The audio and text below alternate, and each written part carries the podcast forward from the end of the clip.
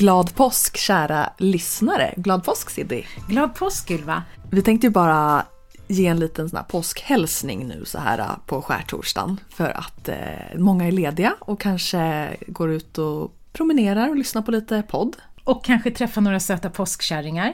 För det är så man tänker nu, eller hur Ylva? Ja. Att eh, man måste ha lite godis hemma. Just så här det. på skärtorsdagen, fall det kommer någon liten sötnos och vill eh, ja, fira påsken här. Exakt. Och vi satt ju och pratade om det här innan och tänkte så här. Man glömmer nästan alltid bort inför varje år. Varför är det påskkärringar? Vad är kopplingen till häxor och vad var hela den där historien? Så vi var tvungna att kolla upp det och kan inte du berätta, vad, vad liksom hittade vi? Ja, men då hittar vi det här. Att klä ut sig till påskkärring och pryda påskriset med små häxor har ju verkligen sitt ursprung i häxprocesserna på 1600-talet. Just det. Och så läste du och jag här nu precis om två systrar som blev anklagade för häxeri på Södermalm i Stockholm Ja, eh, på 1600-talet och blev ju dödade helt enkelt. ja det var fruktansvärda tider. Ja, och enligt folktron som vi hade förr i Sverige så bjöd ju djävulen in häxorna till fest just på skärtorsdagen. Ja, Och därför kallas natten till skärtorsdagen för häxornas natt. just det. Och därför så uppmärksammar man det genom att barn klär ut sig till påskkärringar idag och eh, går och tigger godis. Men, och det här fick ju oss också att tänka på att vi har ju faktiskt intervjuat många intressanta personer i vår podd och en del av dem kanske på den tiden, på 1600-talet, kanske skulle ses lite som häxor faktiskt med tanke på vad de gör idag.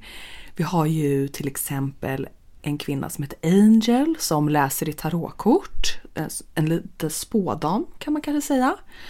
Och hon berättar om hennes andliga resa och hur det funkar med tarotkort och liksom hur hon kan prata med andra sidan lite sådär. Och så har vi hon den här andra tjejen som har varit med bland annat i TV4. Jag ser spöken, också är, är medium. Just det, och hon är sån som eh, folk kan vända sig till om de har en saknad person.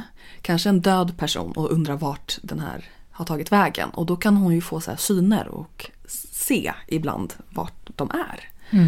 Så att, Så det är ju så spännande att leka med tanken. Vad hade hänt om det hade varit då? Då hade de kanske inte ens vågat prata om de här sakerna offentligt. Nej, och vi hade inte kunnat eh, intervjua dem kanske och berätta om dem.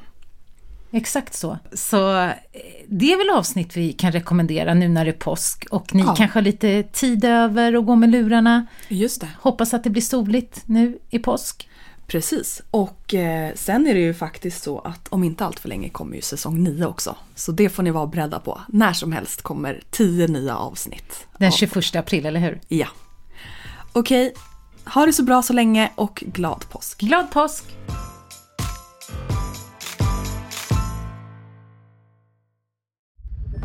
Podplay, en del av Power Media. Ett poddtips från Podplay. I fallen jag aldrig glömmer djupdyker Hasse Aro i arbetet bakom några av Sveriges mest uppseendeväckande brottsutredningar. Går vi in med hemlig telefonavlyssning och, och då upplever vi att vi får en total förändring av hans beteende. Vad är det som händer nu? Vem är det som läcker? Och så säger han att jag är kriminell, jag har varit kriminell i hela mitt liv men att mörda ett barn, där går min gräns. Nya säsongen av Fallen jag aldrig glömmer på Podplay.